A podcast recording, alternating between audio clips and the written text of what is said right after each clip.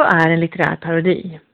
På sätt och vis bara en stilövning som sätter olika verk i förbindelse med varandra. I kommunikation, så att säga. Och när man umgås med parodier måste man acceptera att underhållningsvärdet ibland är det enda värdet. Hur kryptisk denna underhållning än må vara. Som genre har parodin alltid funnits. Redan Nietzsche undrade om Diderots relation till Laurence Stern i Jacques le Fatalist sprang ur imitation, beundran eller hån. Och vad skulle Don Quixote varit utan riddarromanerna? Fieldings Shamela utan Richardsons Pamela, Tristram Shandy utan Robert Burton och så vidare. Det är heller inte en slump att flera av de nämnda verken använder parodin för att bedriva samhällskritik. För parodin har mycket gemensamt med satiren. Jesper Svenbros nyutkomna bok Vad poeten får höra när det blir tal om blommor är en sammanställning av en rad olika historiska och samtida parodier som står i dialog med varandra. Men den riktar också ett slags självparodisk blick på det egna författarskapet.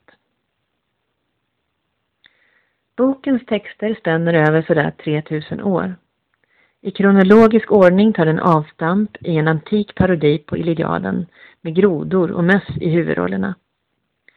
En parodi som den franske författaren Théodore de Bonville förhåller sig till i hans förord till Lindansaroden från 1859. Lindansaroden är i sin tur föremål för en parodisk tolkning som den helt unge Arthur Rimbaud skrev till sin äldre kollega 1871. Och denna parodiska dikt, som gett boken dess titel, följs av två brev som Rimbaud skrev till samma de Bonville. Förutom Svenbros egen dikt, Metaforenviget på Durraudden, en parodi på pastoraldikt med Karambosmyten som utgångspunkt, finner man även sagda Karambosmyt i Antonius Liberalis återgivning och dessutom en längre inledning och en rad olika kommenterande texter samt bilder. Flertalet bidrag, men inte alla, är översatta av Jesper Svenbro själv.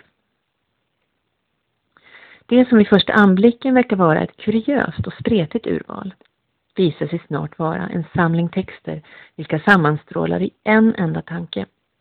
Att den parodiska texten, förutom att vara ett förlöjligande, kan vara en eloge.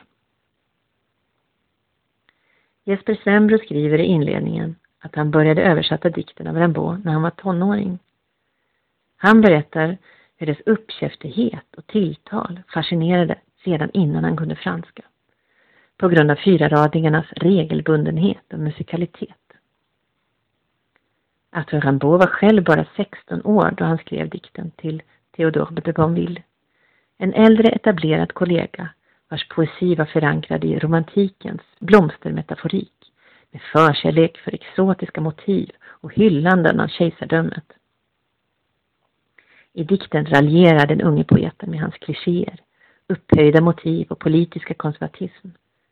Förutom det barn vill, som i förklenande syfte tilltalas med du, utsätts även en rad andra namngivna personer för poetens hån.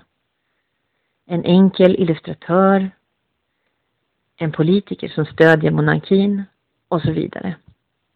Själv identifierade sig Rimbaud med Pariserkommunens idéer. Hans vän och älskare Paul Verlaine var för övrigt sekreterare i centralkommittén. Och särskilt är det den franska liljan som blir föremål för hans attacker. Han tar ner den på jorden med sexuella anspelningar och skatologiska utvikningar. Liljan fungerar som själva antitesen för hur poesi bör se ut. Diktens första strof lyder. För alltid mot det aftonblå, vars ljushav darrar av topaser, ska dina vita liljor stå som laxativ för doftextaser. Rimbauds direkta och konfronterande stil blir lite slingrigare och snällare i den svenska versionen. Sembro är en harmoniserande översättare han förhåller sig lite som en förälder till en revolterande tonåring. Kanske är det så här du menar? Originalets sonoritet och skjutjärnsrytm luckras upp och omgärdas av småord som gör det hela lite trevligare. Les Lys, c'est klister d'extase blir till Ska dina vita liljor stå som laxativ för doftextaser. Här är det just tilltalet och uppkäftigheten som fått ge vika. I diktens andra strof anklagar Rimbaud de Banvilles texter för att vara fromma. En anklagelse som kanske kunde gälla även för vissa val i Svenbros översättning. Samtidigt beundrade Rimbaud den äldre poeten, vilket också kommer till uttryck i de två brev som finns tryckta i boken. Båda breven inleds med Käre läromästare. Metaforenviget på Dorraudden ur samlingen Samisk Apollon från 1993 är Jesper Svenbros tolkning av Krambosmyten. Dikten är en parodi på pastoraldiktning. En burlesk där två manliga herdar tävlar om att finna den bästa metaforen för kvinnokroppen. Medan de blir motarbetade av sina egna kroppars lustar, förmodligen till varandra. Eftersom Jesper Svenbro säger sig ha haft ett förhållande till Rimbaud under hela sitt liv kanske man kunde tänka sig att han även haft en annan dikt av Rimbaud i bakhuvudet här. En satirisk dikt som, eller parodisk dikt som Verlang och Rimbaud skrev tillsammans. Ordet till ett arselhål, som är en hyllning till en kvinnas anus. Även i denna dikt som trycktes ett år efter vad poeten får höra är liljan och det fekala viktigt.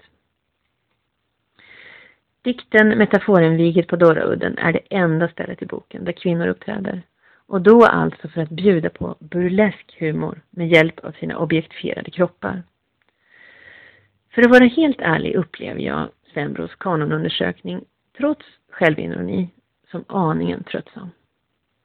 Man får intryck av att det som intresserar Svenbro mest är det egna författarskapet. Om Svenbro var den enda manliga författaren som gav uttryck för den sortens narcissism så skulle greppet kanske kännas friskt. Möjligtvis kunde man läsa boken som en parodi på denna tjatiga genre. För att få en bredare blick på parodin som form kunde han till exempel ha vänt sig till Susan Goober som har skrivit om hur Jane Austen, Mary Shelley och Emily och Charlotte Bronte använt parodin som litterärt verktyg för social satir. Eller Linda Hutchian, vars klassiker A Theory of Parody, The Teachings of 20th Century Art Forms formulerar en mer omfattande definition av parodin. I studien beskriver Hutchin hur parodi har bidragit med viktiga ideologiska ställningstaganden under 1900-talet.